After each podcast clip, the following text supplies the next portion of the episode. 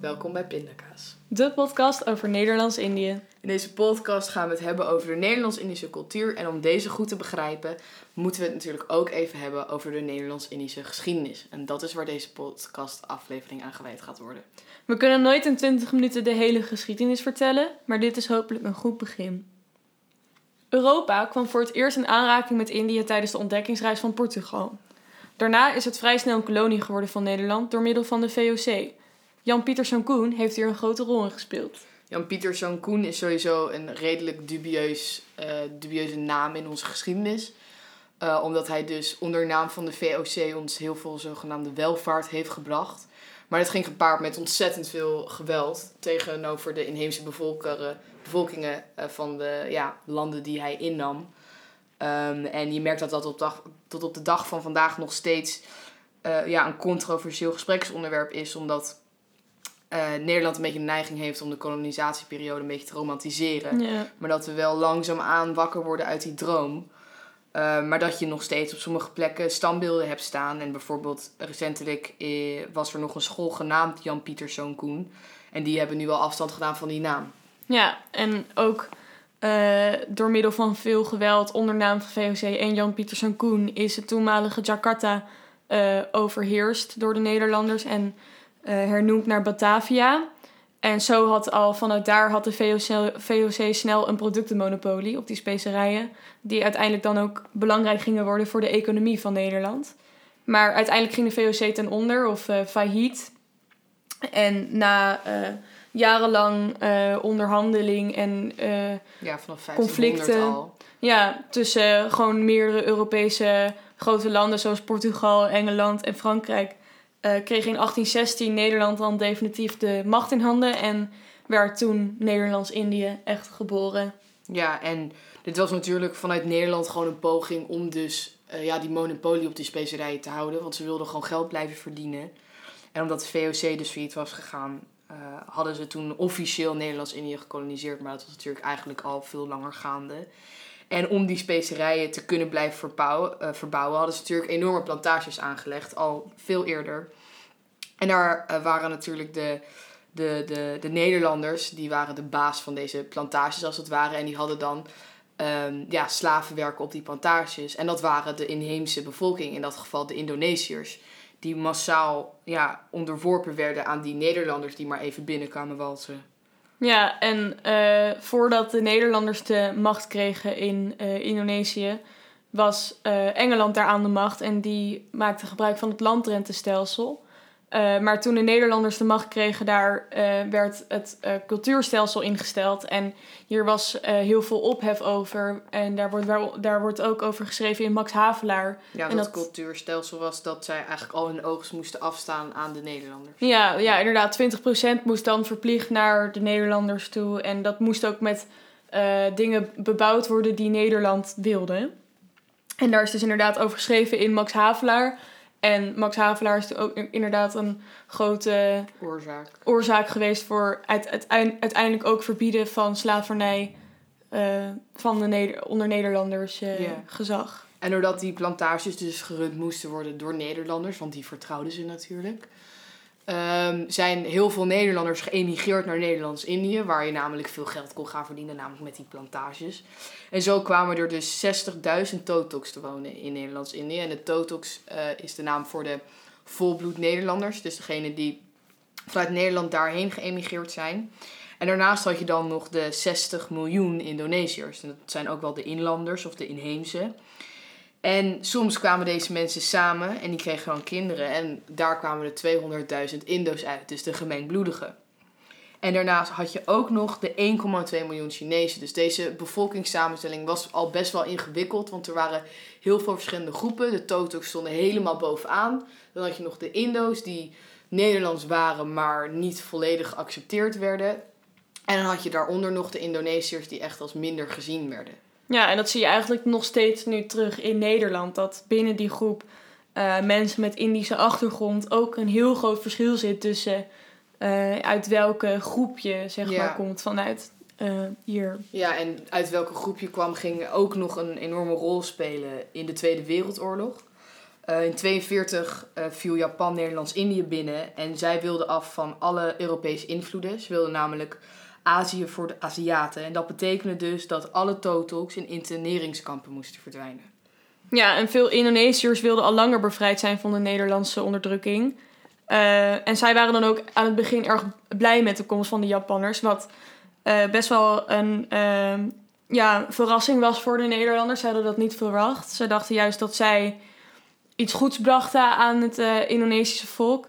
En dat zie je ook in bijvoorbeeld de documentaire serie Onze Jongens op Java, die echt als militair daarheen gingen met het idee van: oh, ik kom hier deze mensen redden. redden. Eh, terwijl ze dan, toen ze daar kwamen, dan toch Indonesische uh, bevolking zagen zwaaien met Japanse vlaggen en ze toe aan het juichen waren. Ja, want ze wilden natuurlijk ook geen Japanse bezetting, maar het betekent in ieder geval een einde aan de Nederlandse bezetting. Ja. En uh, omdat Nederland dus nu niet meer langer aan de macht was, werden de rollen ook een beetje omgedraaid. Dus het was eerst altijd hoe witter, hoe beter. En nu werd dat juist uh, door donkere Aziaten uh, geleid die wat meer aanzien kregen. En dit creëerde dus ook moeilijke situaties voor de Indo's, die een beetje in die toch soort van twijfelpositie zaten van ik ben Nederlands of ik, ja, ik voel me Nederlands, maar ik ben ook Indisch. En ja, die hadden dan inderdaad ook vaak een Nederlandse vader, maar een Indische moeder. En dat was gewoon ja, ja, een lastige positie. Tussen beide in. En zeker in, in die situatie in de Tweede Wereldoorlog moest daar heel duidelijk in gekozen worden. En die lijn werd ook heel hard getrokken, omdat ze namelijk op een gegeven moment moesten kiezen. Ga je met je vader mee, de Nederlander, naar het interneringskamp? Of blijf je bij je Indonesische moeder die buiten het kamp mag blijven? Wat ga je dan doen? Ja. Ja, en de meesten kozen dan ook wel voor buiten blijven, want dit klonk als een betere optie. Maar achteraf bleek dat eigenlijk helemaal niet zo te zijn. Want uh, ja, buiten de kampen was toch echt wel een soort vorm van zien te overleven. Ja, ze waren eigenlijk gewoon vogelvrij verklaard. Want de Indonesiërs waren helemaal klaar met de Nederlandse onderdrukking. En die Indo's waren eigenlijk gewoon loyaal aan Nederland. Dus de Indonesiërs wilden eigenlijk ook dat zij weg zouden gaan. En de Japanners hielden hen natuurlijk goed in de gaten. Ondanks dat ze dus hoopten dat zij zouden kiezen voor de Aziatische kant. Maar toch was er wel veel wantrouwen, want ze hadden ook iets Europees. Ja, en dat was inderdaad echt niet uh, te doen daarbuiten, omdat vaak die vaders dus wel uh, Nederlands waren en ze zonder die vader vaak ook zonder inkomen zaten. Ja. Dus dan moest die moeder voor vaak best een groot gezin zorgen en dan hadden ze weinig eten en uiteindelijk ook geen geld meer voor kleding en dan liepen ze maar in jute zakken rond. Ja, je had natuurlijk veel Indo's moesten ook vluchten, dus die moesten naar hele afgelegen plekken, omdat ze alleen daar nog veilig waren en ze hadden vaak maar een handje vol rijst. Die dan inderdaad met grote gezinnen moest delen. Met soms al zeven kinderen. Dat je één handje rijst. Dat is natuurlijk niet te doen. Nee. En je bent nergens kan je heen. Want iedereen is weg. En overal ben je, ben je onveilig. Ja, en dat is, het zegt natuurlijk niet dat het in die kampen wel veilig was. Uh, zij hadden ook weinig eten. Uh, uh, maar toch vaak wel meer dan buitenkampers. Maar het was ook binnen die kampen echt geen pretje. Nee. En ze hadden dan wel kleding, maar ze moesten vaak wel hard werken. Ja, en dan in, in dat warme klimaat. Want natuurlijk de mensen die in die interneringskampen zaten... waren dus voornamelijk Europeanen... die eigenlijk nog helemaal niet nooit ja, gewend waren eigenlijk aan dat hele warme klimaat. Niet gewend waren aan zwaar werk. En die moesten daar met super weinig eten in die hitte dus super hard werk uh, verrichten. Waardoor ze natuurlijk super verzwakt raakten. Waardoor je heel vatbaar bent voor ziektes zoals malaria. Ja, en uh, daarnaast had je natuurlijk ook die afschuwelijke werkkampen. Nou, de, de Birma-Siam spoorlijn heet niks voor niks uh, ook wel de do dode spoorweg. Want per dag stierven daar volgens documentatie 75 mensen. Ja, en dat is natuurlijk daar aan die Birma-Siam spoorlijn moesten dus de krijgsgevangenen gaan werken. Dus dat waren de Nederlanders en de, de, de jongens die bijvoorbeeld in de Koninklijk uh, Nederlands-Indisch leger hebben gevochten tegen de Japanse bezetting. En, uh, maar later kwamen hier ook de Romushas bij. Dat zijn de Indonesische dwangarbeiders. En deze mensen waren vaak niet geregistreerd. Dus het dodental dat daar gevallen is, is niet gedocumenteerd. En, maar hier zijn wel echt ontzettend veel van overleden. En hierdoor zullen we dus nooit exact weten hoeveel nee. mensen er nou echt zijn overleden daar. Ja, en elk kamp moest bijvoorbeeld ook een bepaald percentage dwangarbeiders leveren. En eh, dat zorgde ervoor dat soms zelfs eh, best wel zieke mensen door moesten werken. Eh, en veel mensen zagen dan zelfmoord ook als de uitweg hiervan. om die, die soort marteling toch te kunnen ontsnappen. Want dat was het gewoon. Je moest werken en je had weinig gegeten. Je was het klimaat niet gewend. En nou, dat was toch een vorm van Ja. marteling. En die spoorlijn moest ook gebouwd worden door echt super dichte oerwouden. Dus daar kon je eigenlijk helemaal niet doorheen komen. Dus dat was helemaal niet te doen gewoon.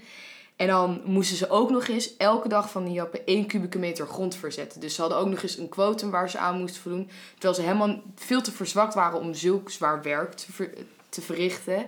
En dan daarbovenop waren die Japanners gewoon ontzettend vreed. Dus ze mishandelden iedereen. En als je ziek was, moest je zelf eh, je weg vinden naar de ziekenhuizen. Die maar in een paar basiswerkkampen eh gebeest waren.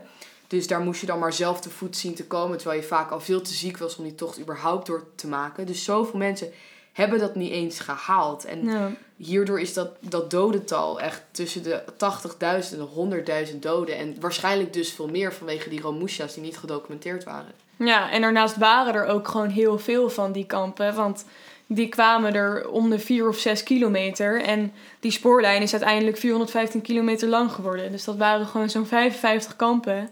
Dus moet je nagaan hoeveel mensen daar ook hebben gewerkt. Ook die niet eh, dood zijn gegaan, maar daar wel gewoon jarenlang eh, zijn gemarteld. Ja, en dat, dat die Japanners dus zo vreed waren, dat is wel duidelijk. Maar ook buiten de kampen waren zij heel vreed. Want je had namelijk de, de Kempentai, dat is de Japanse militaire politie. En die pakte zomaar eh, Indo's op van de straat en ging die verhoren. En dat toont maar alleen aan dat dus voor die Indo's, die buitenkampers, het leven buiten het kamp, buiten dat ze geen eten hadden, ook nog eens gevaarlijk was door de Japanners. Ja, en ook omdat inderdaad dan gingen ze ze oppakken en martelen om zo een soort eh, ja, eh, Verzet, ver- ja, eh. verzet te ontdekken onder hun die er misschien niet eens was. En dat ging ook echt wel op brute wijze met tuinslangen in hun monden. En dan zetten ze die buik helemaal op. Ja, en van dan, dat water. En dan gingen ze daarop inslaan totdat het water uit alle plekken van je lichaam kwam. ja, of, of pennen in hun oren steken en dan soms zo ver eh, dat het de hersens eh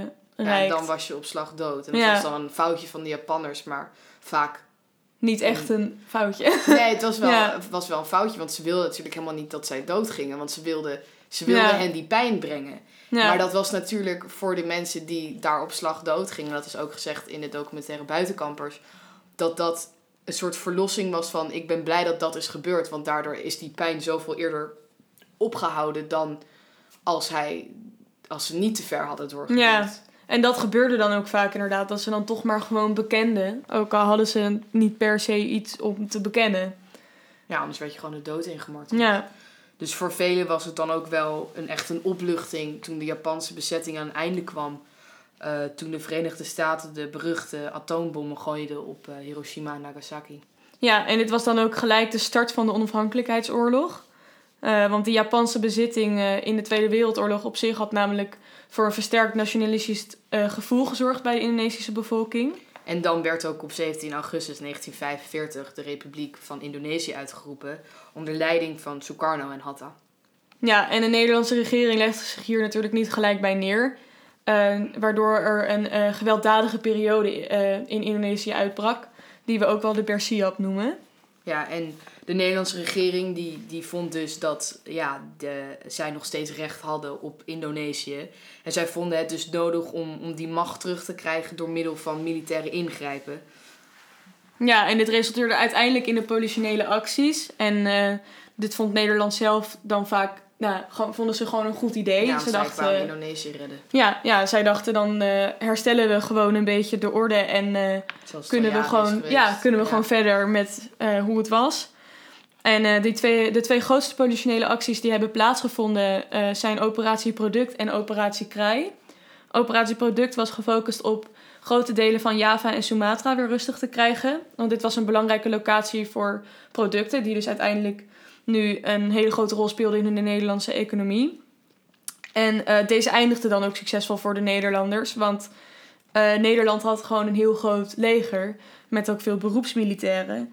En daar kon de Indo- Indonesische bevolking gewoon niet tegen op. Dat, die hadden ook wapens die ze gewoon Ja, ja, die, dat was gewoon eigenlijk verloren zaak. Ja, en, en de Nederlanders hadden natuurlijk, eh, toen zij nog daar de macht hadden, hadden zij Indonesische jongens wilden zij niet eh, ja, opleiden tot militairen, omdat zij dus bang waren dat ze zich op een gegeven moment tegen hen zouden keren. Ja. Wat dus ook gebeurd is. Want vervolgens kwam Operatie Kraai, ehm, die hetzelfde doel had als Operatie Product, namelijk dat Nederland weer de macht zou hebben.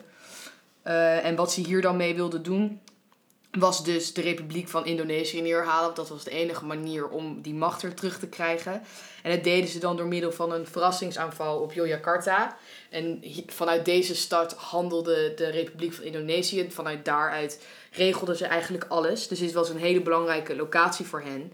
En dat wist Nederland. En ze hoopten dan ook daar dat ze de politieke en militaire leiding van de Republiek van Indonesië te pakken konden krijgen. En als krijgsgevangenen konden nemen. Ja, en het lukte ze ook. eh, en eh, ze kregen onder andere Sukarno te pakken. Alleen die hebben ze ook weer snel vrij moeten laten eh, door internationale druk. Want het was inmiddels gewoon algemeen best wel bekend dat Nederland dit soort politionele acties, die gewoon heel vreed waren, aan het uitvoeren waren daar.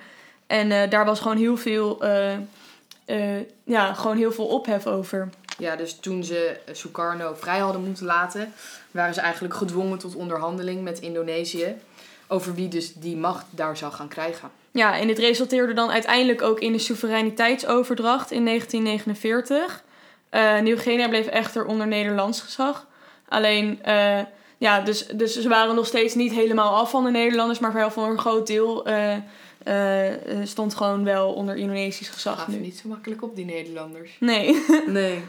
Ja, en dus toen die soevereiniteitsoverdracht had plaatsgevonden, was dit voor vele Totoks en Indo's die tijdens die onafhankelijkheidsoorlog nog daar woonden een, een definitief teken van: oké, Nederlands-Indië bestaat niet meer. Ehm, wij moeten terug naar Nederland. Maar voor Indo's, ja, die zagen Nederland wel als een vaderland, maar die waren hier nog nooit geweest. En de Nederlanders kenden de Indo's ook helemaal niet. nee, dus dat voor hun voelde het heel erg als teruggaan. Ja, Terwijl, eh, ja, dat dus eigenlijk niet zo zat. En, en eh, zodra ze ja, zo, aan ja. land stapten, realiseerden ze. Ja, inderdaad. Ze hadden inderdaad zelf, ze gingen er niet heen met dat idee. Zij hadden juist iets van, eh, dit is eh, ons vaderland. Ja. En er brak dus inderdaad een grote periode van migratie uit. En ja, hier werden dus ook inderdaad de Toko- Totoks werden gewoon beter ontvangen dan de Indo's. Omdat ze er Nederlandser uitzagen. En dat is gewoon, voor Indo's is dit een hele moeilijke periode geweest. Omdat ze dus eigenlijk in beide landen niet thuis waren. thuis waren. Zij, waren, zij zijn letterlijk het product van Nederlands-Indië. En dat bestond niet meer. Indonesië was niet hun thuis. Want zij waren, ze hadden Nederlands staatsburgerschap. Ze zijn altijd opgegroeid met de Nederlandse taal en de, en de normen en waarden die daarbij hoorden. En dan komen ze in Nederland, waar ze allemaal hun smoel moeten houden. Want Nederland had de hongerwinter meegemaakt. Dus die mensen, die Totoks en Indo's die uit dat warme Indonesië kwamen, die moesten niet zo zeiken. Die hadden wel gewoon eh, ja, warmte gehad. Ja, en dat, eh, ja, dat, dat is nog steeds inderdaad, dat zie je ook terug in bijvoorbeeld in die zwijgen. Dat dat eh, daaruit is voortgekomen. Dat, dat er toen, toen zoveel werd gezwegen. Ja, een, een oorlogstrauma was gewoon... daar mocht je gewoon niet over spreken. Dat was gewoon iets wat je mee had gemaakt. Maar dat kon nooit zo erg zijn als wat ze in Nederland hadden meegemaakt. Dus je mocht er gewoon helemaal niet over spreken. Ja, terwijl nu zijn we, de, of tenminste zijn, is de, zijn de Indische mensen hier in Nederland de grootste minderheid binnen Nederland. Ja, er zijn tot op de dag van vandaag zijn er nu 200 miljoen mensen eh, met een relatie tot Nederlands-Indië. En, dit, ja, en om die reden gaan de volgende podcastafleveringen eh, een stuk meer bezig zijn met de hedendaagse cultuur, Nederlands-Indische cultuur in onze samenleving nu. Ja, terima kassie voor het luisteren en tot de volgende keer. Disclaimer. Ehm, ik zei 200 miljoen mensen met een relatie tot Nederlands-Indië, maar ik bedoel 2 miljoen mensen met een relatie tot Nederlands-Indië.